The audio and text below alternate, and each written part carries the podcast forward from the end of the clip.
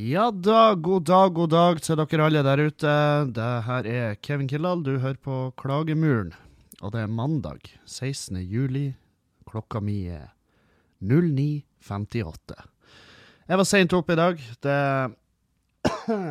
legger jeg ikke litt skjul på engang. Og, eh, og eh, det er som bestandig en eh, mandag som bærer preg av handlinger man utfører. Uh, men ikke så mye som jeg hadde trodd. Fordi at um, jeg har vært i Trondheim, og som regel når jeg kommer hjem fra Trondheim, så er jeg sånn der uh, Altså, da er jeg så nært da jeg noensinne kommer til å være når jeg driver Altså, jeg nå La meg prøve på nytt, fordi at kjeften min lever et annet liv enn hva hodet mitt gjør. Kjeften min samarbeider, kan dere OK. Jeg trodde den mandagen her skulle bli blåere enn da den er, fordi at som regel så er den steinblå når jeg kommer hjem fra Trondheim, for det er der jeg tar han helt ut, og det, når jeg kommer hjem derifra, så er jeg så nært som jeg noensinne kommer til å være ei sykemelding som selvstendig næringsdrivende. Og for dere som vet hva det innebærer, så innebærer det at det er ingen vits å sjukmelde seg som selvstendig næringsdrivende. Det er derfor de som driver enkeltmannsforetak, de har jo ikke De har ikke noe De har ikke noe fravær. Fordi at det må jo dekkes av dem sjøl de to første ukene. Og så må du vel eh, veldig greit dokumentere noe til staten hvis du skal få noe penger derifra. Um, og jeg prøver jo å ha minst mulig med staten å gjøre, uh, og det er for dere som har hørt mer enn to sendinger, så vet jo hvorfor. Um, Men nei, det er en fin mandag. Jeg, jeg har det foreløpig helt supert. Jeg var seint oppe da, klokka ti. Um, hun, uh, Morgendragen uh, stakk på jobb, og hun måtte inn på soverommet for å gi meg den obligatoriske 'Ha det bra, Sussen', sant? Den, uh, den, den, den, holder vi fast på. Det, den og godnattsuss, det er liksom de to som det, det er ramma på dagen vår, sant? I hvert fall min. Hun har sikkert noe helt andre rammer. hennes dag starter når hun tar det første tygga av knekkebrødet sitt. Da er hun sånn her Nå kan jeg omgås mennesker. um, det har vært ei eh, Det har vært ei uke. Det har vært faen meg ei uke. Og eh, det, har vært, har alt. Det har, det har vært absolutt alt. Det første jeg har gjort, er å slette Jeg har sletta um, riflespillet Sniper 3D fra mobilen. Um, jeg kom for nært Jeg kom for nært et punkt der jeg brukte penger på det. Uh, for jeg var sånn her Jeg kommer ikke videre. Jeg må ha jeg må ha en oppgradering til rifla mi, ellers kommer de ikke videre. Og da var det sånn Ja, men Kevin, 50 kroner er jo ikke all verden. Er du klar over hva et kikkertsekte egentlig koster. Det er mer enn 50 kroner. Så det her er fette billig. Slå til. Sant? Og når du begynner å rasjonalisere det sånn, så er det på tide å bare Da må du jump ship. Og da var det jeg gjorde. Jeg sletta det, og jeg følte meg tom og meningsløs i hvert fall to-tre timer etterpå. Og så etter da har det gått fint. Og, um, og da var det sånn Hva skal jeg underholde meg sjøl med på flyet? Jo, last nå ned noe på Netflix, da. Din kuk. Du vet jo hvordan det funker. Og så gjorde jeg det, og det ordna seg. Det ordna seg. Jeg lastet ned på Netflix, og jeg har sett uh, Jeg har sett uh, mye spesielt. Jeg har sett uh, ferdig Luke Cage, så langt som det er kommet. Jeg har sett Jeg tror jeg har sett ferdig Jessica Jones og Jeg tror det er da den heter, serien. Jessica Jones. Ja, jeg tror det. Det er noe der Marvel-halaien. Uh, så da er det vel Hvem jeg mangler nå? Det er jo han der uh, Faens Han er blinde advokaten. Daredevil. Daredevil, for faen. Um, så det gjenstår. Og så har jeg har sett Jeg har sett han der med hodeskallen. Punisher. Det har jeg sett tidligere. Uh, så um, Nei, så jeg skal se meg opp på de Marvel-seriene, og det viste seg jo å være et faens arbeid. Det er jo jævlig masse. Og, um, og er, jeg blir jo ikke ha noe igjen for å se meg opp på det. Annet enn selvfølgelig underholdningsverdien er jo der, og veldig grei å ha når du reiser. Fordi at eh, flyreisene går de går som et kneps når jeg har et eller annet å se på, eller spille. sant? Og jeg burde ikke spille, så da burde jeg se på noe. Og det, det går nydelig fort. Eh, det er egentlig ikke så nøye hva jeg ser på. Um, og så har jeg og, um, jeg og fruen vi har sett en film som heter Ready Player One, og uh, den, uh, den vil jeg gi en tommel opp. Det vil jeg det, det her blir jo ikke en sånn video Jeg kommer ikke til å anmelde filmer her, fordi at jeg har ikke min, min sånn der Etter å ha sett en film, så er det Ja, den var bra. Eller Nei, den, var, det var, den sugde. Sant? Det er enten eller. Jeg har ikke noe Jeg, jeg går ikke i dybda på filmene, sant? Da, hvis du skal, hvis du skal dybda på filmene, så så kan jeg anbefale Kristoffer uh, og Grim snakker film. Det er to komikere i Bergen som, uh, som har peiling på film, fordi at de Jeg vet faen. Fordi at de ser mye film. Ja, de de, de har sånn småmorsomme ja, Småmorsomme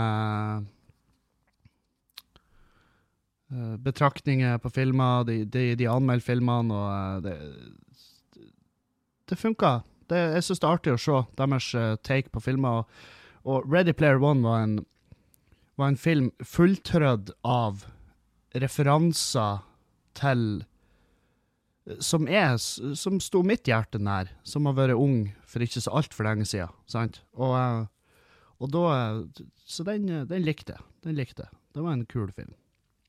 Vil gjerne se mer. Uh, og, og, det sier jeg samtidig som jeg håper at det ikke er laga i toa, for det, sånn, det er sånn typisk film du kan rasere med en toa og en trea. Sant? Og så blir det og så blir det nye Så blir det nye Hva det heter Fast and Furious-greier. Og så blir det krise, sant? De legger for mye i det, og så bare fortsetter de å lage filmer. Og så suger det rævhøl, og så må vi vente på at en av hovedpersonene dauer i det faktiske liv, for at vi skal begynne å avrunde hele det der fadesen, sant? Så uh, Yes. Um Jeg har vært en eh, Jeg glemte å innrømme da, sist podkast, men sist helg så, så hadde jeg mitt første sånn her eh, skikkelig sånn eh, Sånn sammenbrudd. Sånn her uh, For jeg har jo prata litt om at mamma er død og sånn. Og det, folk, jeg har fått mye sånn skryt, og folk bare 'Herregud, du prater om det så lett', og, og det gjør jeg, fordi at Jeg vet faen hvorfor, men det, det, når jeg står på scenen og sånn, jeg, det er jævlig sjelden jeg kjenner på det. At det er på gråten, liksom. Men i helga så var, ikke denne helga, men helga før der, eh, så satt jeg og Juliane etter vi har vært på byen, uh, selvfølgelig. Etter vi har vært på byen, og så um, satt vi og hørte på noe musikk inne her. Og så kom det en sang på som, uh, som mamma brukte å synge når hun var i koret. Og da bare kjente jeg det at oi, nå kommer det faen meg. Så da måtte jeg røyse meg, og så måtte jeg gå ned jeg måtte bare gå ned. Så la jeg meg i senga, og så lå jeg og tuta. jeg lå og skreik. Og så kommer jo Juliane etter, og jeg og Juliane er jo Det er derfor vi funka såpass bra i lag. Det er fordi at vi, vi, er, vi er, veldig dårlige på å Det her med følelser. Sånne, her, sånne, sånne typer. Sånne trist og Hvordan takla vi da? Og jeg, og hun kom jo ned og la seg på sida mi, og så uh, strøk med uh, på ryggen, og, og så lå vi og tuta og harka. Og så, og så til slutt så Ja, da hadde hun bare fortsatt, og så har jeg til slutt søvna, heldigvis. Um, og, um, og dagen etter så lå hun bare og kikka på meg, og jeg, jeg bare sånn uh, Tykje, for ei for ei pyse jeg var i går. Jeg sa ikke det. Jeg sa tykje for en homo jeg var i går. Og så flira vi masse. Og, um, og så uh, og så har vi bare, etterpå det der, så har vi vært sånn Ja, da har vi brøttet den barrieren. Da har hun sett med skrik. For når du ser med skrik, så er det sånn her Oi, øh, øy, øy, øy, øh, det, det, er så kleint, for det er jeg skriker. Sant? Så det, som menneske, hvis du klarer å takle den situasjonen, så har du det som trengs for å egentlig jobbe i omsorg.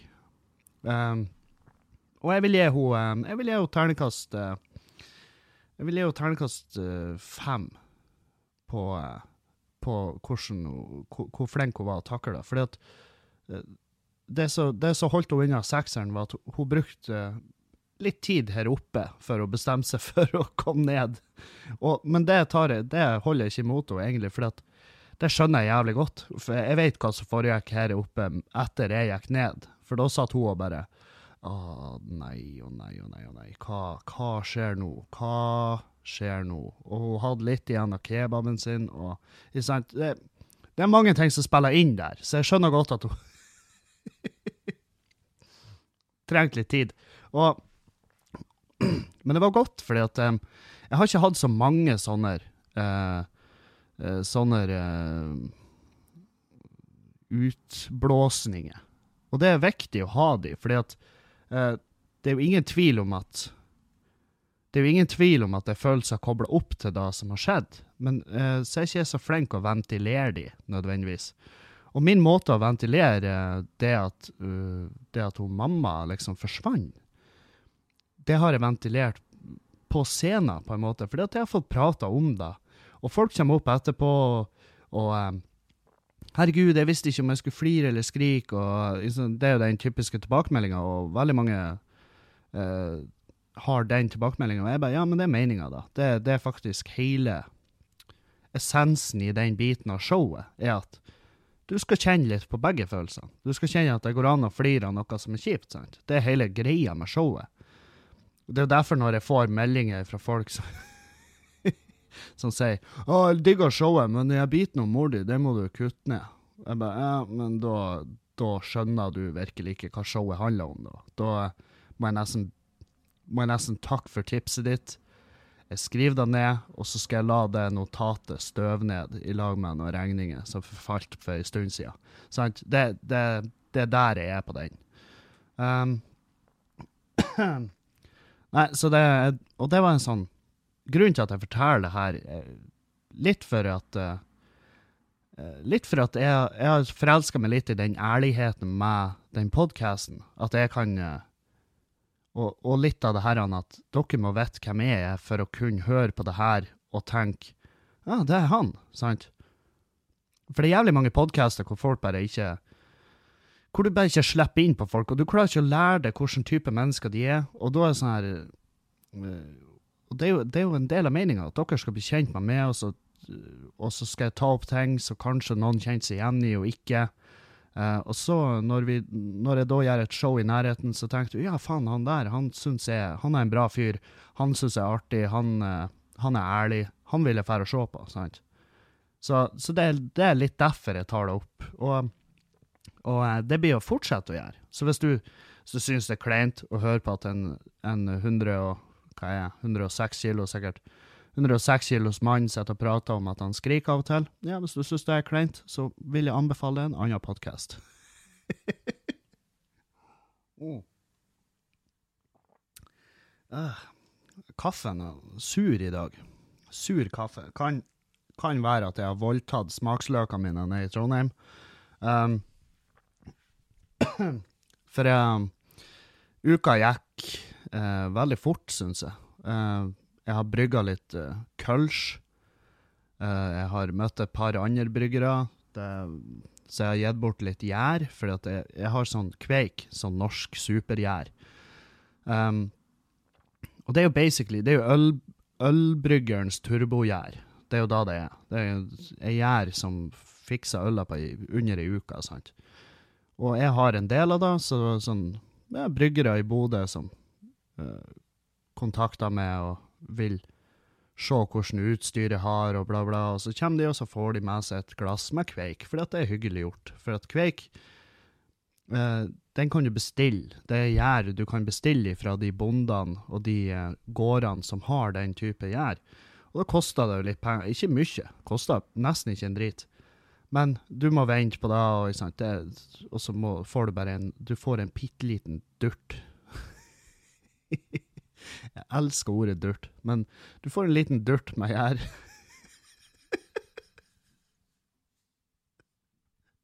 og så må du fikse det sånn at det blir mer gjær. sant? Ja, det er litt arbeid. Eh, og det har jo jeg gjort, så når jeg får besøk av bryggere, så er det sånn ja, ta nå med litt kveik, og så kan du jo prøve å, å eh, holde den og gro den sjøl hjemme. Og det blir de kjempeglade for. De blir jo helt i hundre. Og det er like gleden i øynene på andre bryggere.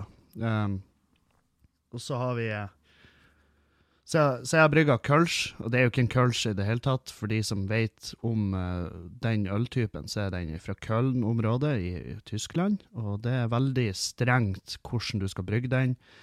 Jeg er ikke så glad i regler, så jeg har brukt norsk Jeg har brukt kveik i den, og jeg har tørrhumla den med noe annet humle. Så det er ikke, det ikke kølsch i det hele tatt. Men det er basert på Starten er en kølsjoppskrift. Så og et sett som jeg har kjøpt på Gulating. Så det er det eneste som er kølsch med det. Det står i pappeska en plass som tilhører det settet. Det, that's it. Um, og så har vi fått den nye sofaen vår. Herregud, hvor deilig. Fy til faen hvor deilig det var å få nysofaen inn. Det er en treseter og en treseter og en stol og en puff, og den stolen og puffen er så fette enorm. Jeg, tror, jeg skal legge ut uh, skal legge ut et bilde på på uh, ja, Jeg skal få Kanskje jeg legger ut det på Instagram. Uh, og så kanskje jeg tar en video-review av sofagruppa mi og legger det ut på Patrion. På Patrion blir jeg også legge ut den videoen ifra for han Stian Nilsson har laga en jævlig feit video fra uh, Fjøsen Live, og det blir å legge ut på Patrion-sida, så kan dere se der. Um, uh, men jeg sofagruppa er så jævlig fornøyd. Nå ligger jeg ikke lenger i en kattekurv. Jeg ligger som en gud. Jeg flesker meg ut. Og det, jeg, jeg, sa det her til Juliane, at uh, det var egentlig en dårlig, dårlig vurdering av oss å kjøpe det her når jeg nå prøver å komme ut av sofaen og ikke være han Sofa-Kevin. Ikke Sant? Fordi at jeg, jeg, jeg sitter jo altfor mye i sofaen om dagene. Det, det, er jo det som er problemet nå. sant? Det er at jeg drikker mye i helgen, og så bruker jeg uka på å hente meg inn, og så drikker jeg helga igjen, og så går det en sånn evig ond sirkel, og jeg sliter ut sofaen hjemme. sant? Det er det jeg gjør. Uh, I forrige uke så forbanna jeg meg på at det, her, det skulle ikke være sånn.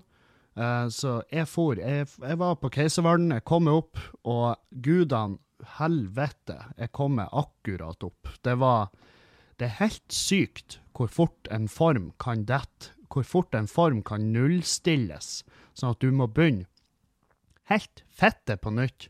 Du må begynne livet på nytt. Det er som å lære seg å gå igjen etter å ha vært i trafikkulykker, sant? Og Altså, folk stirrer når jeg kverna meg opp de siste stegene opp de trappene på Keiservollen. Jeg brukte 30 minutter fra turisthytta opp.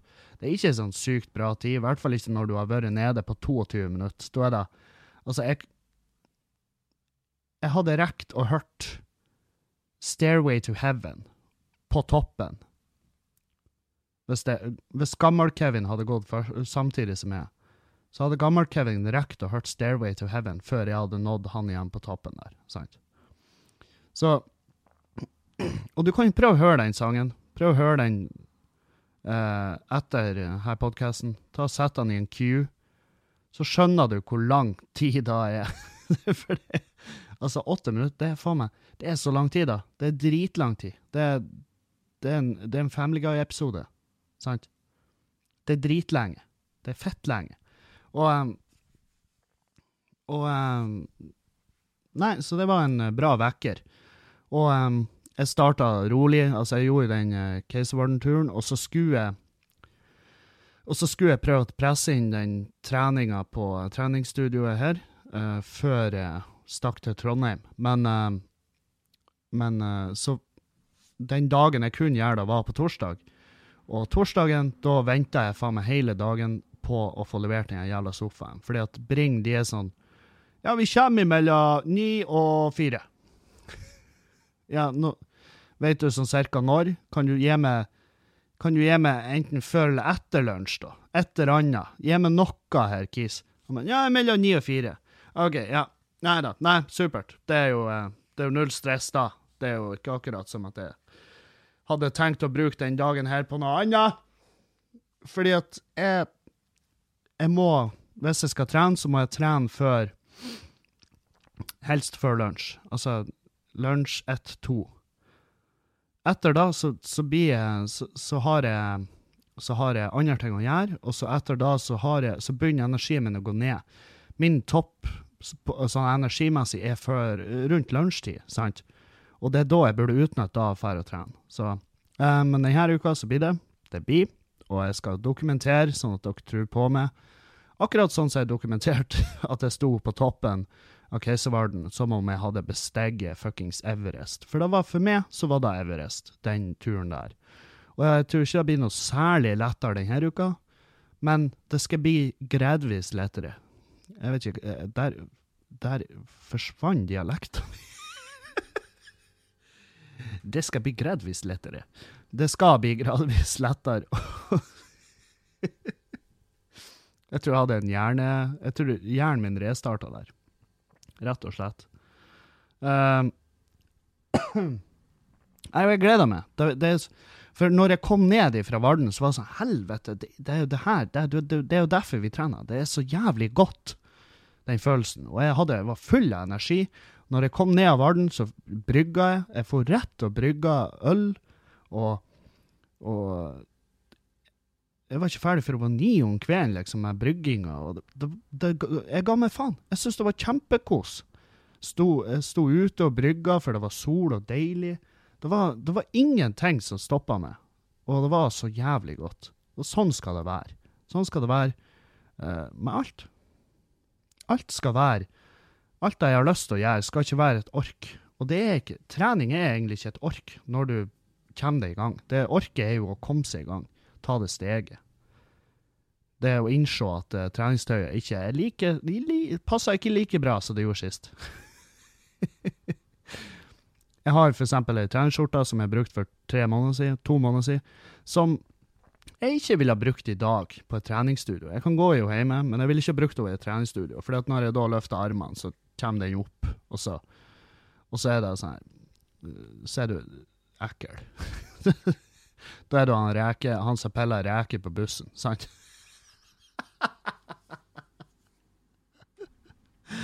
Han som ikke klarte å vente til han kom hjem. Han bare 'Helvete, jeg elsker reker'. Ikke noe sa en loff. du, jeg har majones jeg ser gjennom jokerposen din. Sant? Det er jeg, skal, jeg må ikke bli han. Jeg må ikke bli han kisen. Men uh, det er farlig. Farlig. Det er farlig, og det er jævlig fort å bli han kisen. Så um, Og jeg møter jo Jeg møter jo folk som Altså, jeg er jo uansett Det jeg trøster med meg er jo at jeg er tynnere enn jeg var på denne tida i fjor. Sant? Og det, men det skal, ikke være den, det skal ikke være det som holder det. Sant? Fordi at du, jeg har jo fortsatt ikke nådd målet mitt. Jeg har til og med prata med fotografen til det nye showet. Uh, fordi at vi skal jo ta bilder til den nye plakaten min eh, til showet som kommer neste høst. Eh, og det showet skal jo hete Skamløs. Det har jeg sagt et par ganger tidligere, men jeg har ikke gjort noe sånn big deal ut av det. Eh, showet skal hete Skamløs, og, og så har jeg fått en jævlig bra fotograf på eh, Han er dyktig, han vet hva han holder på med. Eh, og så er han, han er veldig sånn Han tenker mer enn jeg gjør, sant? Han tenker mye mer enn jeg gjør. Han vil vite hva showet handler om. Som er et vanskelig spørsmål. Fordi at når jeg begynte å skrive Skamløs, så var jeg sånn Ja, det skal handle om det her og det her og det her. Jeg skal innom da, da, da, da. Og etter hvert nå som jeg begynner å teste tekster til Skamløs, så er det sånn OK, det blir ikke å handle om da, det blir å handle om ingenting. Det blir å handle om Det, det blir ikke et type Skamløs-showet blir ikke et samme type show som Drittliv, eh, nødvendigvis. For Drittliv var et sånn her Det var rammer rundt det, uh, og det var liksom veldig i, i rett, rett tid-show. Sånn der han eh, øh, Depresjoner, angst, øh, død og sorg, ikke sant? Mens det her showet blir sånn Ja, flaue historier, skamløse ting. Det, det blir litt sånn Det, det, blir, det blir ikke den like tunge Det blir ikke det like tunge budskapet, sjøl om det er Jeg vil ikke påstå at det var noe jævla budskap med drittliv, men Men det blir ikke, det blir ikke like dypt. Det blir ikke like dypt nødvendigvis, men det blir ærlig, det blir ærlig og det blir, eh, det blir drøyt, det blir artig. Men det blir ikke like dypt. Men samtidig veldig sånn Jeg inviterer jo mer folk inn eh, på meg med, med Skamløs. Det, det føler jeg gjør. I hvert fall han fotografen han vil jo veldig gjerne vite mye, mest mulig om showet. Altså, han, han Jeg vet han skulle gjerne ha likt å sett showet før jeg lanserer det, liksom. Før vi tar det bildet. For da kan han ta det perfekte bildet. For han vil fortelle historier med bildet. Mens jeg hadde jo Jeg var sånn Kan ikke vi bare ta et, et fett bilde? det var da jeg tenkte. Men han vil høre mest mulig om showet, og da kan han komponere tenke location, tenke elementer i bildet. Mens jeg er sånn her Å ja. Ja, det har ikke jeg tenkt på. Jeg har ikke tenkt på at det har noe å si. Men selvfølgelig har det noe å si. Det sier seg jo egentlig Det, det gir veldig melding når han sier det. Sant? Og da er jeg sånn Ja, ja, ja, visst faen. Visst har du rett. Uh, og, så, og så var jeg på tanken Vil jeg bare ha et helt vanlig Vil jeg bare ha en veldig plain plakat? Eller vil jeg ha noen elementer der? Og jeg er sånn ja, Den første plakaten var veldig plain og enkel. Um, samtidig var jeg veldig fornøyd med den. Um, og så eh, Nå vil jeg Nå tror jeg jeg vil prøve noe annet. Bare jazze opp litt. Ha litt elementer der, litt blikkfang. Og nå bruker jeg bare Nå kopierer jeg basically teksten han skrev til meg. Uh, elementer av blikkfang, det er viktig. Ja, visst faen er det viktig. For jeg har ikke et sånn Fjeset mitt er ikke et blikkfang. Det er et, uh, et blikknekt. Nå ser jeg jo mindre skremmende og eh, i mine øyne penere enn jeg var på denne tida i fjor. Fordi at eh, Jeg vet faen. Jeg, jeg, jeg, jeg, kjøper ikke det her enorme skjegget jeg hadde lenger. Jeg gjør ikke det. Jeg, jeg er glad det er borte. Jeg er glad det er blitt kortere. Jeg er glad jeg har fått en annen form på fjeset. Og, em, og det som jeg skrev melding til han nå, da som jeg har bygd opp nå kjempelenge, men det, det er ikke så sykt, men jeg sendte han melding nå i helga fordi at jeg var usikker. Skal jeg ta det bildet nå? Fordi at jeg har jo basically gjort et veddemål med meg sjøl og med Julianne om at jeg skal jo ikke se sånn her ut til neste år. Når Altså, det er jo Premieren er jo eh, 20. september i 2019. Eh, jeg venter, og billettene ligger ute. Premieren blir på Nordlendingen, der den hører hjemme. Um, billettene ligger ute, og de selger allerede. Så uh, gå inn, kjøp billetter før det er for sent. I hvert fall. Er det lurt å ta bilde nå? Enn hvis jeg da er, la oss si uh, La oss ta uh, Ta godt i. La oss si er 20 kilo lettere til neste år på den tida. Til neste september så er jeg 20 kilo lettere enn jeg var når jeg tok bilde, hvis jeg tar det i dag. Enn hvis da. Og hvis vi tar, hvis vi tar realistisk i 15 kilo eller 10 kilo det vil uansett vises som faen. Og jeg bare, blir ikke det litt dumt? Og han bare, ja, nei, ikke i hans øyne. Egentlig best, om noe så blir det egentlig bare artig, fordi at det viser eh, hvordan ting forandrer seg. Jeg bare, ja, ja, ja, du har jo poeng. Altså, jeg tror det blir jævlig artig. Jeg, tror, jeg vil gjerne gå på og bare, ja, nei, se, nei da, jeg har noe, jeg har noe, jeg har nå peisa på litt. Jeg ser jo ikke nødvendigvis sånn ut som jeg gjorde på plak plakaten, nei, nei, takk Gud, helvete. Ja, det er jo derfor jeg må ta den i A3 og A2. Jeg får ikke plass på et A4-ark. Nei da. Det blir ikke den rorbua-stemninga, det blir det ikke. Men Mm. Men da innså jeg at å, det er så overanalysere. Det er jo jeg som tenker for mye. Um, og så kan det hende at det er den skrekken min, fordi at eh, jeg er ikke noe glad i å bli fotografert. Jeg hæler ikke da. Altså, uansett hvor kul fotografen er, og hvor, eh, hvor behagelig jeg har det i sitt nærvær. Det aller verste jeg vet, det er å bli fotografert. Spesielt proft fotografert, for da er det sånn her uh, Han Du hører kameraklikkene når du føler at du Ikke ta bilder nå, jeg er ikke klar. og når du er klar, så hører du ingen klikk, for da ser jo han det gjennom linsa og tenker jeg kan ikke ha det her bildet her. Det er bortkastet megabyte på det minnekortet mitt. sant? Fordi at du er, du er best når du er litt naturlig. sant? Ikke når du står og strammer trynet og ser rett inn i linsa og bare øh, sant? Og super inn magen. Og, så jeg skal ta de bildene på hans premisser. Uh, og så er jeg jævlig spent, og jeg gleder meg til å se hvordan det blir. Og så gleder jeg meg til å lansere plakaten og når den tida kommer. Og, men det skal bli bra. Jeg orker ikke å stormslippe det. Uh, og um, i det, i det eh, in, On that note så er det sånn at jeg skal jo ut og teste tekster, og da trenger jeg trenger forslag til dere. Og det Testshowet, altså Nå har jeg masse forskjellige rare tekster som jeg har lyst til å plassere, eller enten jobbe videre med, eller hive.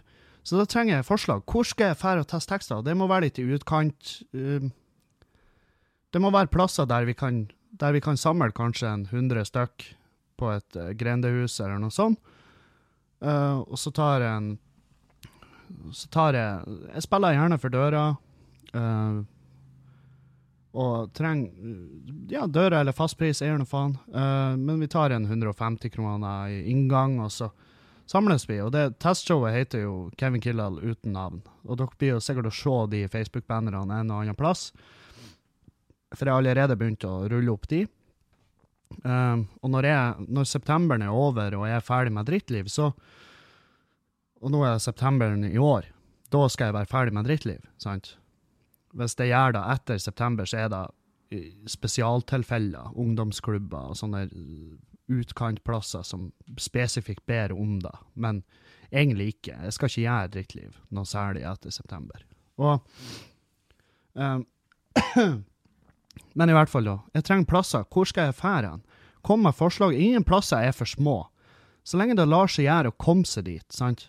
Og så lenge Så lenge det dere har ei fin scene og en genuin mulighet til å samle 100 stykk Altså, hvis vi klarer å samle 300, så er det supert, for jeg, jeg må jo kunne leve av det her i mellomshowtida òg.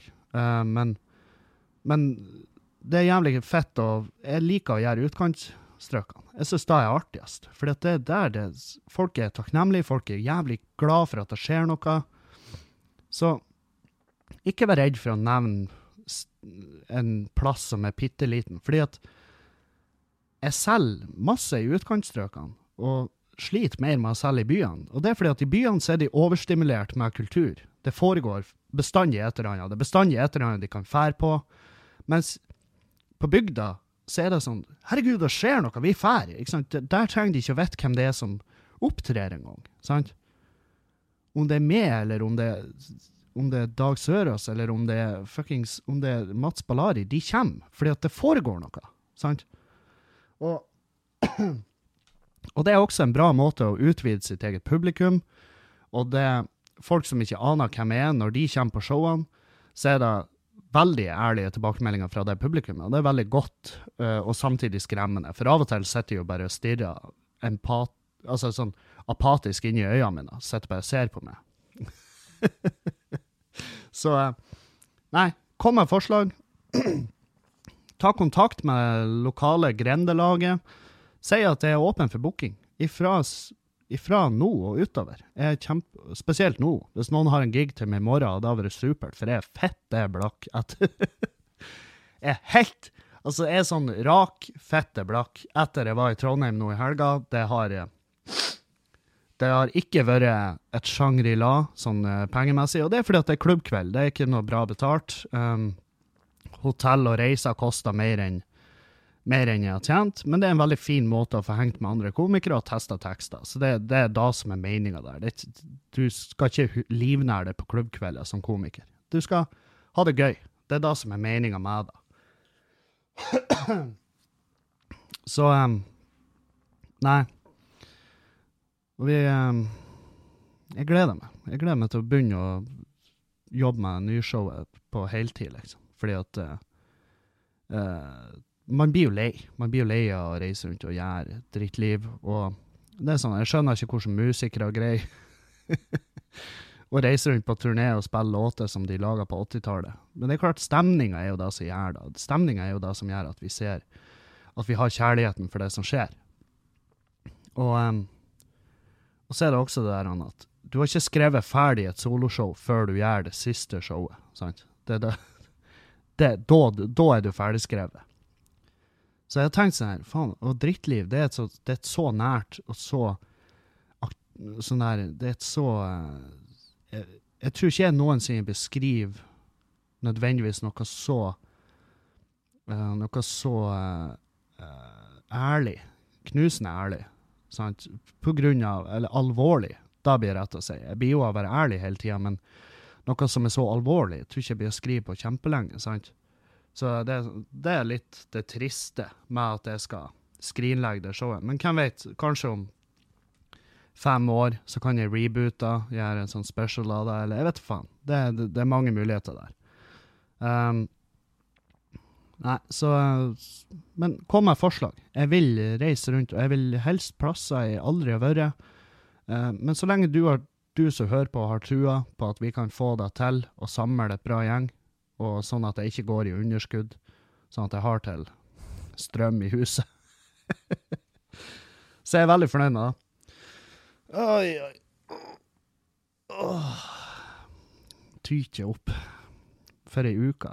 Jeg har fått eh, Jeg har fått solbrillene mine. Jeg har bestilt solbriller med styrke.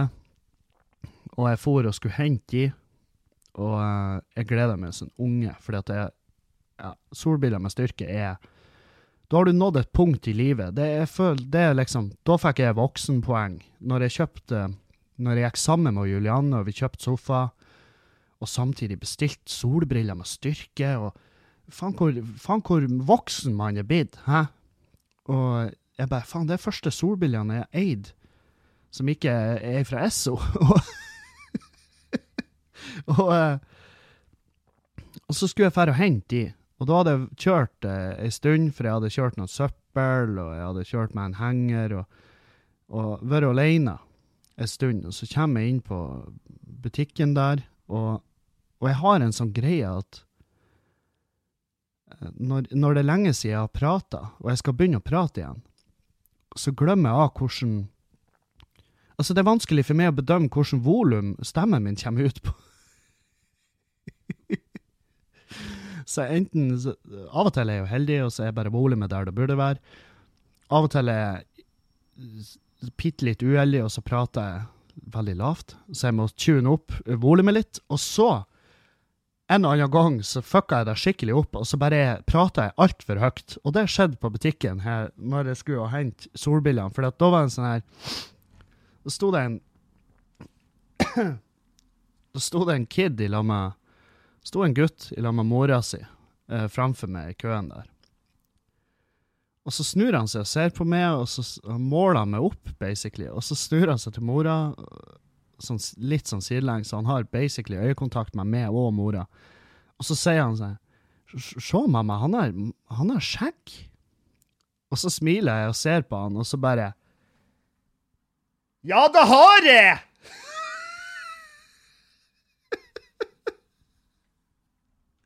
altfor høyt.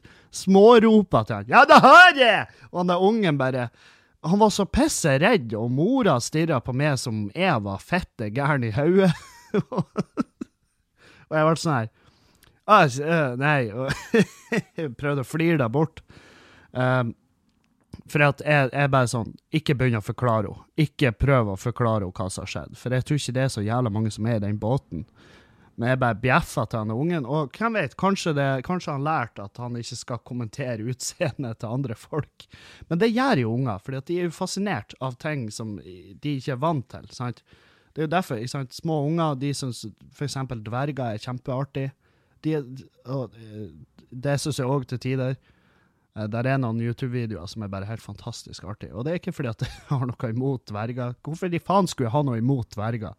Men det er bare artig. Sånn som han og der dvergen som hoppa i bassenget, og så har de fjerna den splash-lyden og bare lagt inn sånn plupp.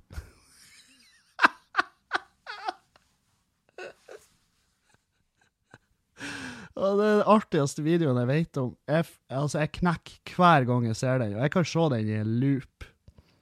Uh, men i hvert fall. Uh, for unger, de, de er kjempefascinert. Unger de reagerer på alt som de ikke er vant til. Hudfarge, størrelse, uh, skjegg, langt hår. Det er sånn, de, de kommenterer fordi at de tror ikke det er noe galt. Og det er jo Altså, det, det er jo det er jo ikke noe galt når det er de. Det er jo litt sånn dumt hvis du er 35 og bare 'Herregud, se, han sitter i rullestol'. Sant? Det er jo litt sånn Du er 35, du har sett en rullestol før, skjerp deg. Sant? Mens en unge, han, de er fascinert. Det, det er jo ikke for å være slem. Og det vet jeg jo. han var jo bare fascinert av at jeg hadde hår i fjeset. Noe som kunne hinte til at faren hans eh, ikke går rundt med masse skjegg. At han er glattbarbert og fin, sant? Og derfor så syns den ungen at det var spesielt. Men jeg bjeffa jo bare til. Ja, det har jeg! Oi, ops. Ja, så um, Nei, jeg vet ikke. Er, det, er jeg alene om å ha det der? At når det er lenge siden du har prata, så av og til åpner du kjeften, og så har du bare altfor høy stemme? Og det er, min, det er de gangene jeg er sånn. Jeg har jo kompiser, jeg har jo kompiser som bare Altså, hvis de får i seg tre øl, tre øl, så bare prater de som om de er i telefon med noen ute i, i høy vind. Sant? Og det er så jævlig irriterende. Sånn Så, sånn han Lars, kompisen min, han Lars. Tre øl, så bare er det faen meg Han sitter på sida meg, så det er nesten som om han prøver å få kontakt med meg i maskinrom på en båt. Og det er bare Lars, kan du ta og ro ned stemmen din? Jeg hører det jævlig godt. Du sitter inni fjeset mitt. Og så blir han sur for at jeg blir sur, og så, og så Ja, ja, bare vær sur, da. Og så er samtalen over. Men det er jo egentlig greit, for da slipper det øresuset, i hvert fall. Um, men jeg får den stemmen når det er lenge siden jeg har prata. Da feildømmer volum. og eh, jeg er alene om det. Jeg vet ikke. Jeg har aldri hørt Juliane gjøre det, men Juliane har lagt merke til at jeg gjør det der, for at vi eksempel er ute og går på Hvis vi, på, vi var på kjøpesenter, og så skulle vi inn på en butikk, og så, og så eh, hun, eh, hun som jobber der i butikken, bare? 'Hallo!' Og jeg bare 'Heia! Her er vi!' Og hun bare Øh, helvete, der er OK, jeg trodde det var et par, men hun er jo obviously uh, støttekontakt, kommunalt betalt. For det er jo da hun, Julianne fremstår jo da som en støttekontakt, og da lurer jo ikke folk lenger på ah, hvordan fikk han hun der. Eh, For det tror jeg også er en ting folk tenker. Men uh, med en gang jeg begynner å prate med høgstemmen, så tenkte jeg å ja, hun er ansatt, ja. OK, ja. Det forklarer jo alt. Um, nei, så det uh, Trondheim var nydelig. Det var kjempegod stemning på showene. Vi gjorde doble show. Uh, doble show. Og uh, jeg ble kjempefull. Jeg ble kjempedritings. Jeg det er sånn at jeg faktisk husker lite fra siste showet, og det Men det gikk bra. Det gikk jævlig bra, fordi at anmeldelsen fra showet er Det er ikke noe å si på den. Det er kjempe, kjempebra anmeldelse, eh, for min del. Eh, men det var kos å henge med andre komikere igjen og gjøre klubb og eh, prøve å være litt mer Være litt mer effektiv på scenen. For jeg må være kjapp. Jeg har 20-30 minutter. Siste showet hadde jeg visstnok stått litt lengre, men det var stemning for det, og det var siste showet, liksom, så det var ikke så jævla krise. Um, men det er faen meg, det er virkelig noe med det her å gjøre klubb. Jeg føler at eh, det, det, det er undervurdert hvor artig det er. Og det er bare synd det er dårlig betalt. Det har vært jævlig artig å gjort klubb fast. Faen, det har vært kis. Det har vært deilig. Det har vært nydelig å kunne gjort det. Men, men det er også der at jeg vil jo jeg vil jo at det skal handle mest mulig om meg. Vi er jo narsissister, ikke sant? Det er jo da komikere er. Vi, vi føler at vi kan bringe til bordet noe som andre mennesker ikke kan. Og derfor så vil vi trekke folk ut av husene deres, samle de på en plass, og så kan vi prate alene kjempelenge mens alle hører på. Sant? Det er jo da Hvis du hadde gjort det her i en hvordan som helst annen sammenheng, så er du jo et massivt rævhull. Du er et forferdelig menneske, og det er vi, mange av oss komikerne er jo forferdelige mennesker. Det er vi jo. Vi er forferdelige mennesker. Men, eh, men også Men også såre mennesker. Fordi at eh, de komikerne som sier at de ikke begynte fordi at de Altså, de De fleste komikerne begynte jo fordi at de hadde ikke noe annet å gjøre. så Så det er noe vi må minne oss på når vi ser på oss sjøl som overmennesker. Og det er jævlig lenge siden jeg har sett på meg sjøl som et overmenneske, men det, det, har, det, har, skjedd. Det har skjedd, og da tar jeg meg sjøl i det. Hei, Kevin. Må ikke du glemme at du er i et rom der folk har høy utdanning, mens du er han der kisen som bare ikke kunne fullføre forkurset på ingeniørutdanninga. Sant? Så ro det helt ned. Og det er sånn, ja, sant. Nå må jeg jekke meg ned, og så må jeg innse at ja, jeg er jo, jeg er jo bare den personen jeg er. Sant? Jeg er den personen jeg er, og jeg må gjøre det jeg kan. Sånn som så, uh, Stormy Daniels, for eksempel, fra USA, hun der han uh, stripperen.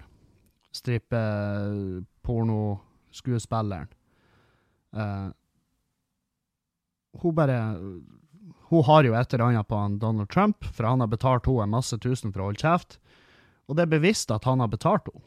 Uh, hun mener at de har hatt et sånn At de har pula, at de har hatt seg et lite, et lite forhold.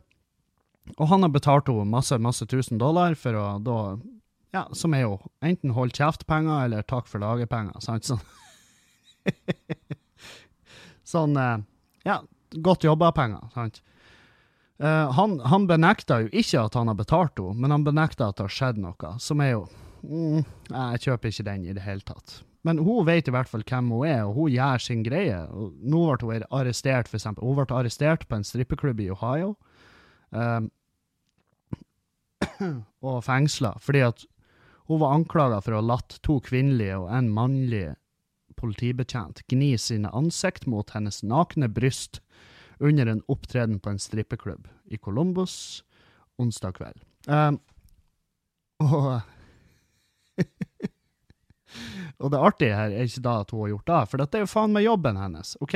Så folk bare sånn, kan ikke bli, Vi kan ikke bli overraska over at hun gjør jobben sin. Men det som er artig her, er denne setninga. Siktelsen var begrunnet med at delstaten Ohio forbyr fysisk kontakt mellom strippere og tilskuere, bare familiemedlemmer av stripperne kan ta på dem, ifølge lovverket.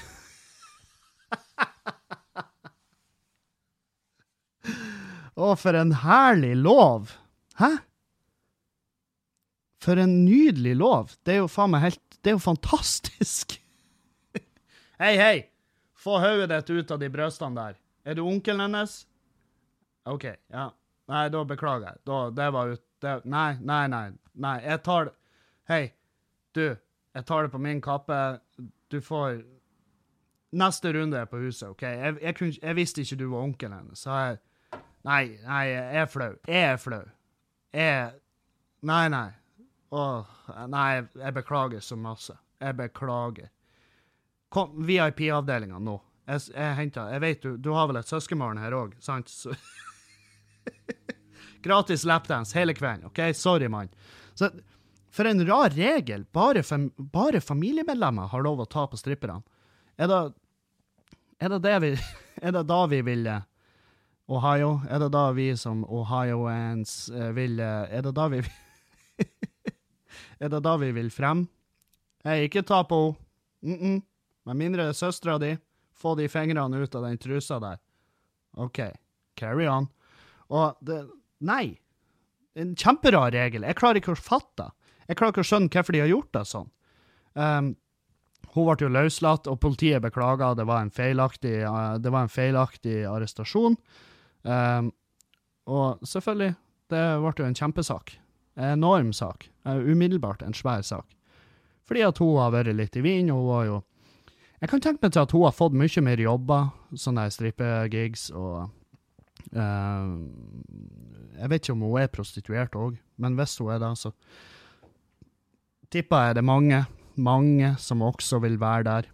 Uh, og det er jo bra for henne, for tida begynner jo å ta henne igjen. Ikke, hun, har ikke, ikke kjempelenge igjen før hun må bli en sånn hun der mora, sant? hun der gamle mora på horehusene og strippeklubbene, som bare går rundt sånn, med sånn steinharde, steinharde, trillrunde uh, silikonbrøst og kjeft på folk. Og gjør det med en sånn gjør det med en sånn stil at alle ser på henne med respekt og bare tenker faen, hun er så sexy og dritskummel samtidig at jeg vet ikke hvor jeg skal gjøre av meg. Om jeg skal bite negler eller om jeg skal runke. Jeg har ikke peiling. Nei, og jeg støtter jo henne som faen. Jeg syns det jeg, Jeg synes det er artig at hun bare eh, Selvfølgelig, jeg støtter ikke henne i, i, den avgjørelsen at hun har gjort hva nå enn i helvete uh, hun har gjort med Donald Trump. Det er ikke bra. Uh, men Men jeg støtter henne i at hun kommer ut med det, og bare sånn Ja, dere får jo tro hva faen dere vil. Jeg har jo ingen grunn til å lyge. Og når hun sa det, jeg har jo ingen grunn til å lyge, så jeg tenker jeg sånn Ja, du har jo mange grunner til å lyge, da, men, men han har flere. han har flere grunner til å lyge. Så um, uh, hva andre saker har jeg plukka ned som jeg syns var artig? Ja. Dukket opp på døra til huseier i natt. Splitter naken. Dette er fra i Tromsø. Selvfølgelig i Tromsø. En huseier i Tromsdalen fikk et litt overraskende besøk i natt. På døra dukket nemlig den 30 år gamle leietakeren opp i blanke messingen. Med seg hadde han en 38 år gammel kvinne som også var helt naken. Da politiet dukket opp, tok de med seg den nakne mannen og satte han i fyllearresten. Kvinnen ble bedt om å dra, iført klær.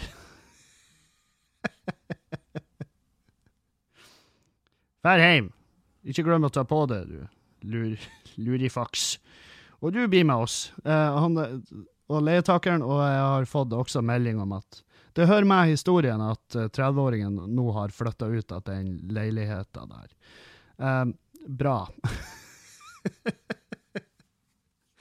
Faen, jeg lurer på hvilket forhold du har til huseieren din når du faktisk klarer å møte opp på døra der naken. Og det er klart, en 30-åring og 38-åring møter opp naken på ei dør til huseieren, da, da, bør det være da bør det være noe stoff i bildet. Altså, jeg klarer ikke å fatte hva hva som drev han, hva han skulle oppnå.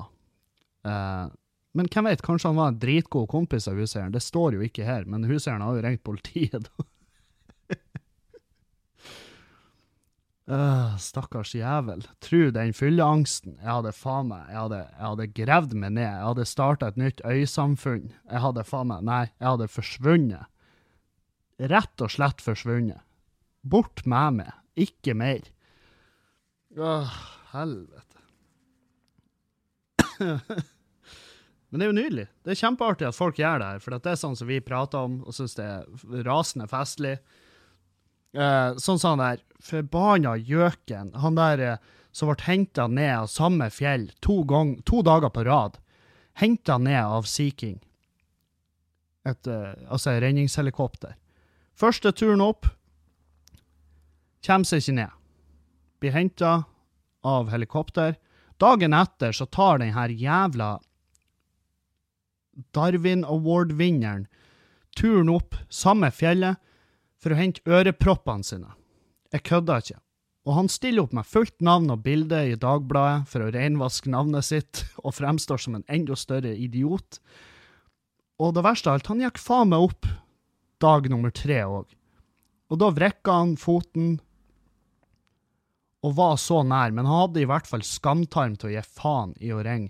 Altså, hvis det, skjedd, altså, hvis det hadde skjedd meg med dag to, om jeg hadde gått opp etter de øreproppene mine, og jeg hadde blitt stående fast, da hadde jeg faen meg Jeg hadde ikke, jeg hadde ikke hatt sjans til å ringe noen. Jeg hadde, jeg hadde faen meg bare Jeg, jeg hadde tenkt OK, det her, det må jeg bare fuckings ta på min kappe. Jeg må bare dø her, da. For det er faen meg Det er mye bedre å dø her oppe enn den skammen jeg må leve med hvis det må fuckings hentes igjen. Og tredje dag Hva du gjør? Prøver du å dø, eller? Hva det er så feil? og han skrev, og han bare Ja, det verste av alt, jeg skulle jo egentlig vært henta tredje dagen òg, fordi at eh, da vrikka jeg foten, men jeg klarte å fure ned fjellet. Så han fura ned de 250 meterne han hadde gått opp. Og altså Som, som uh, Hvis det hadde vært Hvis det hadde vært i det redningsmannskapet, hvis jeg hadde fløyet opp dag to og sett at det var han der kuken der Nei, vet faen, jeg hadde hevet en snickers på han, så jeg sa kom deg ned sjøl, din jævla idiot. Nå, nå, må du lære. Og tredje dagen, jeg hadde ikke røkka ut. Jeg hadde bare Nei, kall, kall, kall inn ulvene. jeg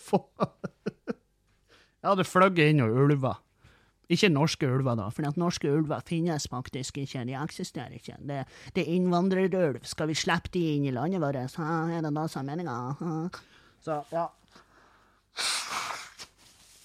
Jeg fløy inn og finsk ulv. Sluppet det i panna på han. Her, lykke til, din idiot. Åh. Hva gjør da? Og så stiller du opp i avisa etterpå. Det, det er det sykeste jeg har lest. Jeg bare, Hva du trodde skulle skje her? Din forbanna gjøk. Og det er sikkert han bare 'Det her blir dritbra promo når jeg skal søke på inngang på Paradise Hotel neste år'. Sant? ja, jeg har jo vært litt i media tidligere, så jeg er jo ikke ukjent for kamera, for å det sånn. Å, helvete, for en nevemagnet. Kjem opp, Han var fra sør, og oppover til nord og skal klatre i fjell. Fucka det opp. Glem ørepropper. Dæven, det burde ha vært noe jævla banebrytende ørepropper du glemte der oppe. For hvis jeg hører at det er noe Apple-headset eller noe sånn drit, ja, da klikker jeg. Jeg har fått mange spørsmål om jeg har bytta, om jeg har fått levert tilbake Mac-en min. Nei, det har jeg ikke, fordi at Eplehuset her, de Altså, Eplehuset, og det sa jeg jo, Eplehuset er jo der service kommer for å dø. Det er jo faen meg uh, Den må inn på service tre ganger jeg må, ha, jeg må, få levert han inn på service, og de må konstatere en feil på han tre ganger før jeg kan eventuelt heve kjøpet. Så det er jo basically Altså, det er jo umulig. Det lar seg ikke gjøre. Um,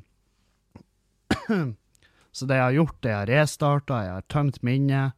Jeg håper at det nå skal bli bedre. Jeg har fått litt bistand fra folk uh, som har peiling på Mac. Og jeg er jo sånn her jeg er jo helt enig. Eh, jeg var jævlig sint forrige uke. Jeg var dritsint. Fordi at Mac-en min fucka det opp. Men jeg kan jo ikke gå tilbake til Windows, og det er tusen grunner til det. Det er tusen grunner til det. Windows er mye mer egnet for å spille, så da blir det lastet ned spill, og så hører dere aldri fram igjen. Uh, nummer to. Uh, Mac er mer stabilt enn Windows. Så enkelt er det. Det er derfor Mac blir brukt av de som ja, 90% av de som uh, gjør grafisk design, mikser videoer, sånne ting og tang. Og så er jeg verdensmester å få virus på PC-en. Fordi at jeg, ja, jeg besøker snuskesider. Jeg besøker pornosider uh, ofte. Og Så jeg er ikke en heder til antivirus. Det er jeg ikke. Så jeg, med en gang jeg har en Windows-PC mellom nevene, så raserer jeg den totalt. Og det tar altfor lang tid å formatere og styre og herje. Så, så nei, blir, det, jeg blir å fortsette å ha Mac. Jeg må bare lære meg å bruke den Mac-en, sånn at jeg ikke fucker opp minnet. Sant? Det er det som er greia her. Og så skal jeg undersøke mulighetene for å installere mer minne. Det, det må jo være en fin måte å gjøre det på. Uh, Har jeg noe jeg burde plugge? Det er jo et spørsmål. Jeg skal jo Nå, nå har jeg jo fri. Jeg har fri denne helga.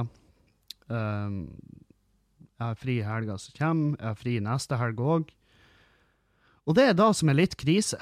Det er da som er litt krise, for at det er sånn der Jeg er altfor blakk. Jeg er for blakk for mitt eget beste.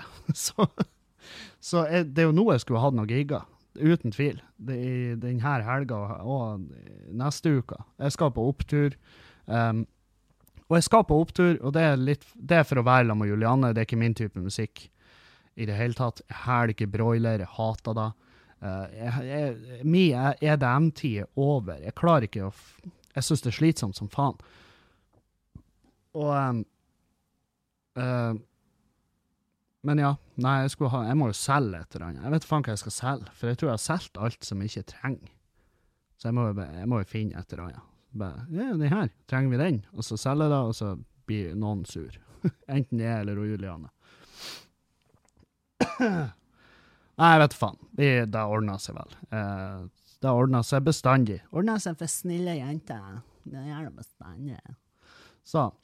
Uh, ja, kan jo gå på spørsmålene. Det er en, det er en god tid å gjøre det på. Jeg har sittet en time nå.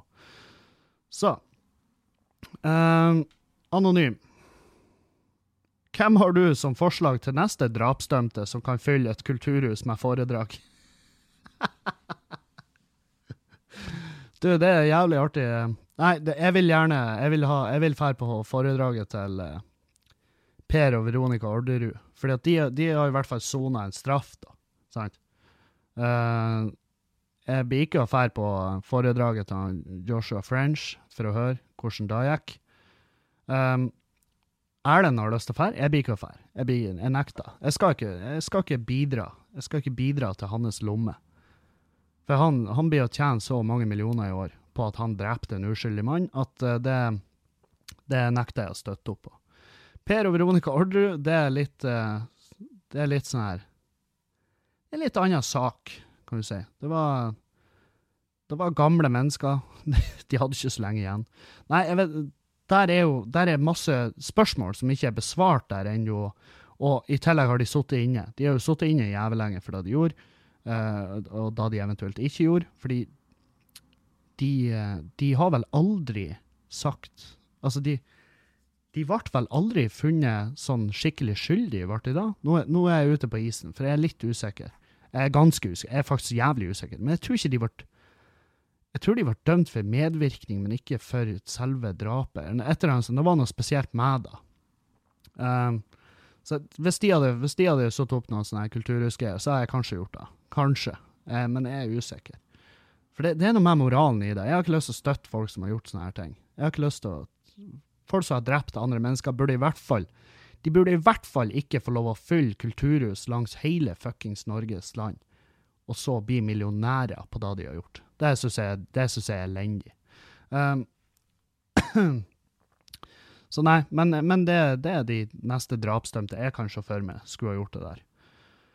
Uh, hva synes du om tusenåringer som vet best og kan alt triks på, for å jekke dem kraftig ned? Spørsmålstegn. Uh, ja, altså tusenåringer som kan alt. Jeg føler meg jo av og til som en av de, for at jeg nå begynner jeg å nærme 30. og jeg tror jeg er ferdig utlært i livet.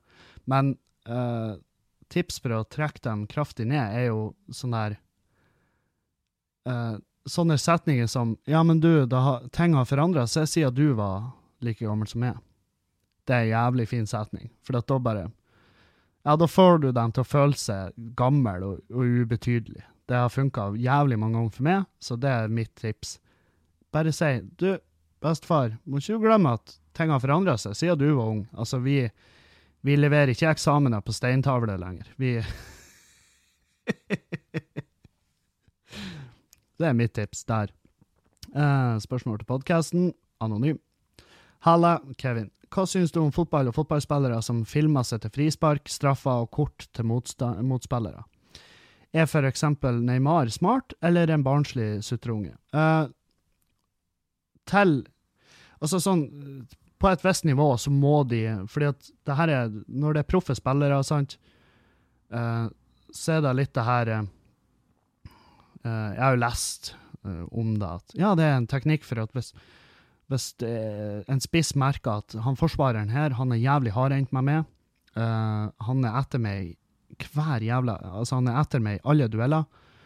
Uh, men hvis jeg klarer å mekke han et gult kort, så roer han litt ned.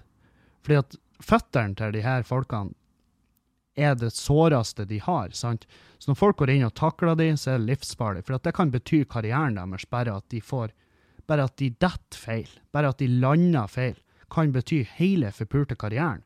Og, og det er da som er nå kontra før. Det var at de bare Uh, lønningen var ikke så ekstrem som de er i dag. Altså lønningen, altså Jeg hadde faen meg filma, jeg hadde filma som faen.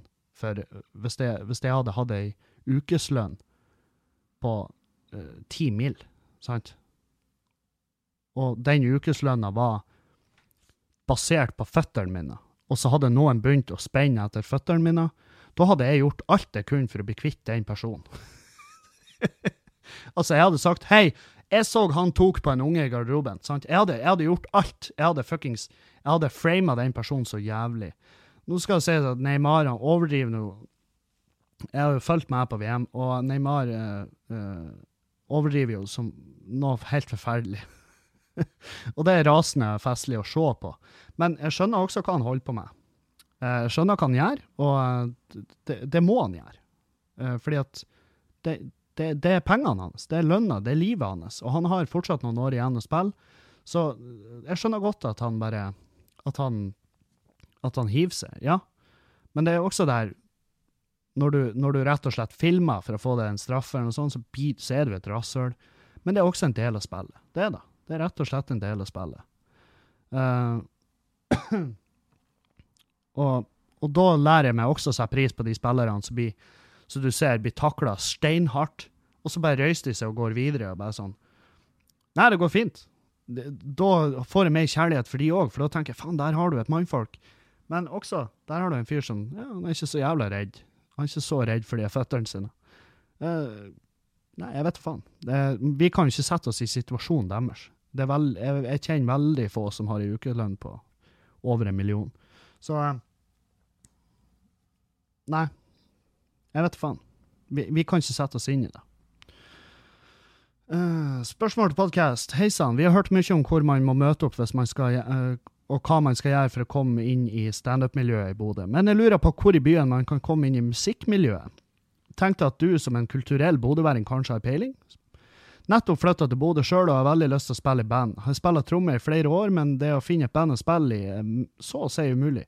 Personlig størst fan av alternativ rock, men er altetende når det kommer til musikk. Ellers er jeg veldig nysgjerrig på hvilken musikk du hører på, utenom Toby Keefe, Shaggy og Tomax. Både til fest, frokost og biltur. Favorittartist? spørsmålstegn. Takk for at du gjør hver en blåmandag minst 100 ganger bedre med hysteriske, seriøse og ikke minst useriøse, motiverende og ærlige podkast. Respekt. Takk og hei. Uh, jo, for å komme inn i musikkmiljøet, så må du jo kontakte Altså, jeg vet at uh, Thomas Littangen gjør enorme ting for musikkmiljøet i Bodø, og jeg tror jeg ville ha oppsøkt han. Jeg så han lete etter lokale talenter. Uh, så en greier uh, på AN ANO. Så prøv å få kontakt med han Thomas Littangen. De gjør også veldig mye for sånn kultur at unge og altså musikere skal kunne ha en plass å samles og henge i lag og prate og jobbe i lag og være litt kreative sammen. Så så ja, prat med de. Prat med de i det miljøet. Jeg har jo ingenting med musikken å gjøre i, i Bodø, men, men det, jeg tror det er der jeg ville prøvd meg. Hvis jeg nå plutselig hadde fått det over med at jeg var en musiker, så tror jeg jeg hadde prata med Thomas litt. Uh, jeg er også veldig altetende når det kommer til musikk.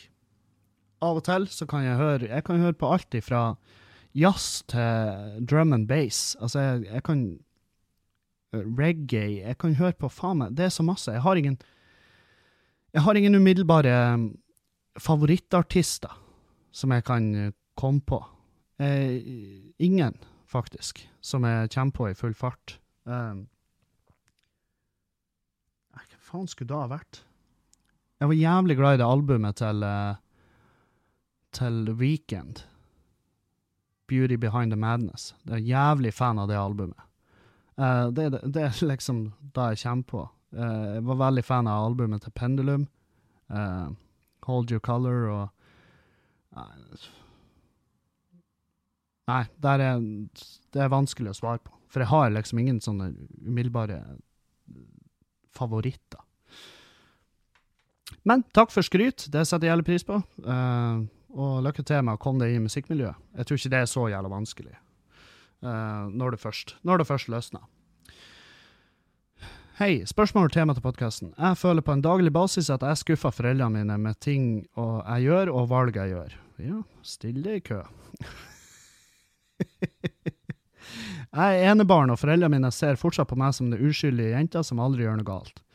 Men det de ikke vet, er at jeg har vært gjennom en del som jeg ikke klarer å få sagt til dem. Det tok meg seks måneder før jeg sa at jeg hadde blitt voldtatt, uh, men ting ellers klarer jeg ikke å si til dem. Så når de spør meg hvordan det går, er alltid svaret mitt bare bra.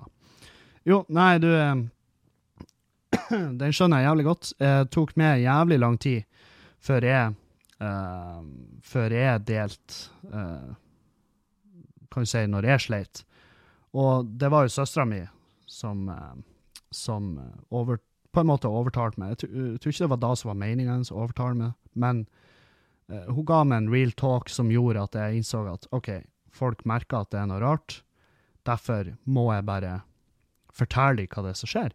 Så skrev jeg så en jævlig lang melding, og så sendte jeg ut til de nærmeste vennene og familien min, og så bare Og det var deilig å få gjort da. Bare, bare si da rett ut hva som foregår, og samtidig begynne å gjøre noe med det.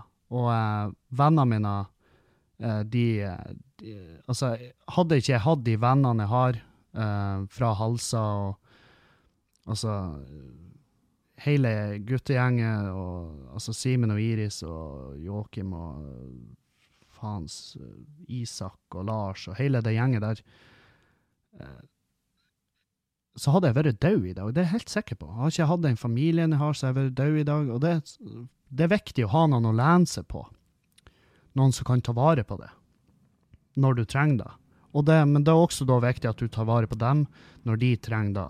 Så um, men ikke gå og bære på det. Ta bare Vær dønn ærlig med foreldrene dine, og si det bare sånn at OK, dere har bygd dere opp et bilde om hvem jeg er som menneske. Det bildet stemmer ikke i mine øyne, så her er sånn, sånn her er det, og sånn er det bare. Sant? Bare si det. For det blir å gjøre ting lettere for det, og da blir det lettere for det å ta tak i de tingene som, er, som burde jobbes med, som du burde som du burde ta mer seriøst, eller burde ja, bare rett og slett arbeide med. Det blir mye lettere å ta tak i ting når du er ærlig, for da har du et bedre utgangspunkt for å begynne. Um, så det er mitt, mitt tips der. Og um, det å føle at du skuffer foreldrene dine, det, tror jeg de absolutt aller fleste går og bærer på av og til. Så. Uh, adrenym. Uh, hvorfor hyler kvinnfolk når de blir redd, mens mannfolk ofte blir helt stille? Det har jeg prøvd å google. Um, og eh, noe med at kvinnfolk uh, uh, instinktivt, når det er fare, hyler veldig høyt for å be om assistanse fra mannfolkene. Jeg vet ikke om det stemmer. jeg vet ikke hvorfor jeg fryser helt til, men jeg, la, jeg, jeg, hyler jo òg når Julianne kom ned, og jeg bare Og jeg var glad jeg hadde et sånn hyl, for det kunne ha vært så jævlig mye annerledes. det, det, er bare Jeg har hylt sånn Sant? Så det, det kan det, det, går begge veier. Jeg tror ikke det er noe sånn at uh, Jeg har sett, kvin, jeg har sett kvinnfolk eh, stive av skrekk òg, så det eh, Kvinnfolk òg fryser helt til. Det er hvor jævlig det er da du opplever. Og det For jeg kom også inn på en artikkel der hvorfor er det jenter som ikke gjør motstand når de blir utsatt for et overgrep. Det er fordi at de fryser helt til. Hjernen deres stenger ned den stenger ned sånn at um, Fordi at du er så redd at på en måte kroppen gir opp, og sinnet gir opp. Derfor stenger de ned og ikke gjør motstand når de blir utsatt for et overgrep. Um, og det var en sånn kjip artikkel å lese, men det forklarer også en hel del. ikke sant? For at det å uh, Jeg har liksom lest historier og tenkt ja, men hvorfor gjorde du ingenting? Men det er jo selvfølgelig for det, det som foregår, er så fucked up, og det er så ille at når det er så ille at hjernen din stenger ned, da forklarer det jo egentlig hvor ille det er da som foregår. Sånn. Hei. Uh, ønsker å være anonym. Jeg er jente på 19 år som bor i Møre og Romsdal, like utenfor Kristiansund. Jeg har, vært i kontakt, har vært i kontakt med en gutt fra Gjøvik i fem år nå, og har vært hos han nå i 16 dager. Dette er første gangen jeg har møtt han, jeg har alltid likt han, men følelsene ble mye sterkere når jeg var hos han så lenge. Han sier han er glad i meg, men ikke direkte følelser. Uh, OK. Ja vel. Uh, vi snakker sammen hele tida, og, og, jeg har lyst til at det skal bli noe mellom oss, men jeg er usikker på hva jeg skal gjøre. Skal jeg fremdeles ha kontakt med han, eller skal jeg bare gå videre? Um, ja. Og så hadde hun Ja. Der, ja. Mm. Uh, nei, Uh, hvis, han, uh, på, hvis, dere på fem år ikke har bestemt dere om dere skal være i lag eller ikke, og i løpet av nå når du har vært hos han i 16 dager, og han sier at han er glad i det, men ikke direkte følelser, så hadde jeg kutta det båndet der. Jeg hadde bare, jeg hadde kutta han løs, dytta han midtfjords, og så har jeg gått videre. For da er det ikke meninga at det skal skje noe. Rett og slett. Kjipt å høre, men sånn er det. Uh, han satte sikkert jævlig pris på at du kom 16 dager dit og var der og, og jeg regner med Jo, dere hadde sex fordi at du har et spørsmål til her. Um, har også et spørsmål til. Han fortalte meg at når han har vært med meg seksuelt, så har han kommet mer enn han noen gang har gjort med noen andre. Hva da skal bety? Nei, det betyr jo at sexen var bra, da. men uh, tydeligvis ikke sånn at han fikk den følelsen at faen, det her, det, det her må jeg ta vare på.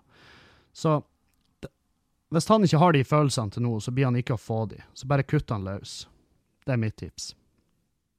Ja. Hei, kan jeg være anonym? Ja, det kan du.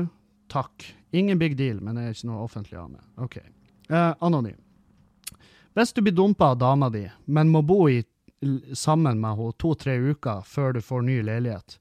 Hvor tidlig kan den som dumper, få seg Tinder? Kan den som ble dumpa, få Tinder allerede mens man bor sammen? Hvis ja, hvor langt kan man gå? Vil du si at det også er greit å ta med dame hjem til gjesterommet i deres felles leilighet? Tipper du svarer nei på den siste. Ja, det gjør jeg.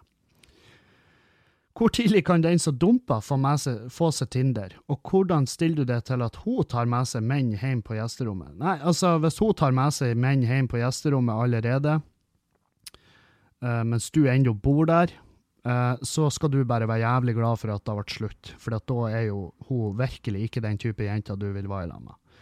Og uh,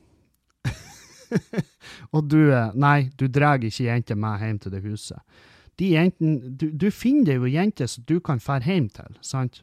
Og hvis du allerede, før det er gått to-tre uker etter bruddet, hvis du allerede er klar for å fære ut og ha det, så er det jo kjempebra. Det er kjempebra for dere begge at dere går så fort videre.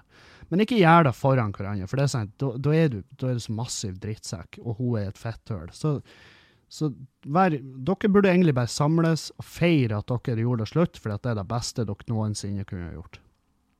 Uh, hvis hun seriøst tar med seg menn hjem på gjesterommet, så fær derifra. Bo hos mor di, bo hos en kompis. Ikke vær der, det er et giftig miljø å bo i. Så kvitt deg med det. Helvete. Satan. altså, hvis Julianne hadde dumpa meg i dag Jeg hadde jo Altså, jeg hadde vært ute av det huset her før hun hadde fullført den setninga. Jeg hadde, jeg hadde dratt med brillene og bilder av mamma, og så hadde Altså, jeg hadde jo ikke entra det her huset igjen. Jeg hadde ikke klart. Og I hvert fall ikke bo på gjesterommet. Så, ikke da at jeg tror hun hadde dratt med seg noen mannfolk hjem mens jeg bodde der, men ikke faen. Jeg hadde ikke klart å være her i det hele tatt. Så at du klarer å bo i den leiligheten, er jo et tegn på at du også kanskje var mer ferdig med det forholdet enn du trodde. Uh, På tide med en ny uh, Tanita-måling snart. Det er den målinga der du ser kroppssammenhengen, altså hva kroppen din består av. Nei. du har vel utsatt det lenge nok nå? spørsmålstegn. Kanskje det hjelper på motivasjonen? Nei. Om du kanskje har fått resultatet i nåværende form i klartekst? Nei. Peis på. Ja, det skal jeg, men jeg blir ikke hvis jeg tar den målinga nå, så blir jeg Altså, jeg, jeg, jeg blir å henge med i sladrespeilet på bilen. Altså, jeg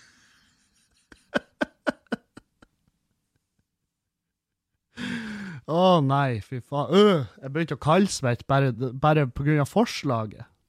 Nei, det blir ikke ennå, men snart.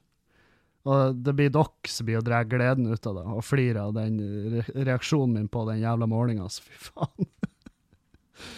Å, herregud. Ja, ja. Nei, det var Æsj. Jeg fikk seriøst frysning av tanken. Bare se de tallene rulle ut, og bare OK, ja, ja. Nei, it was all for nothing. Uh, det var podkasten for i dag. Jeg har kosa meg som faen. Takk for at dere hører på. Uh, takk til alle som bidrar på Patrion. Jeg skal nå begynne å laste opp den videoen der på Patrion, den videoen av uh, Fjøsen Live. Så hvis du vil se den, så gå inn på Patrion, bidra til podkasten. Takk til alle som bidrar fra før, det hjelper jævlig på. Uh, og så høres vi. Takk for meg. Adjø. Adjø. Auf Wiedersehen.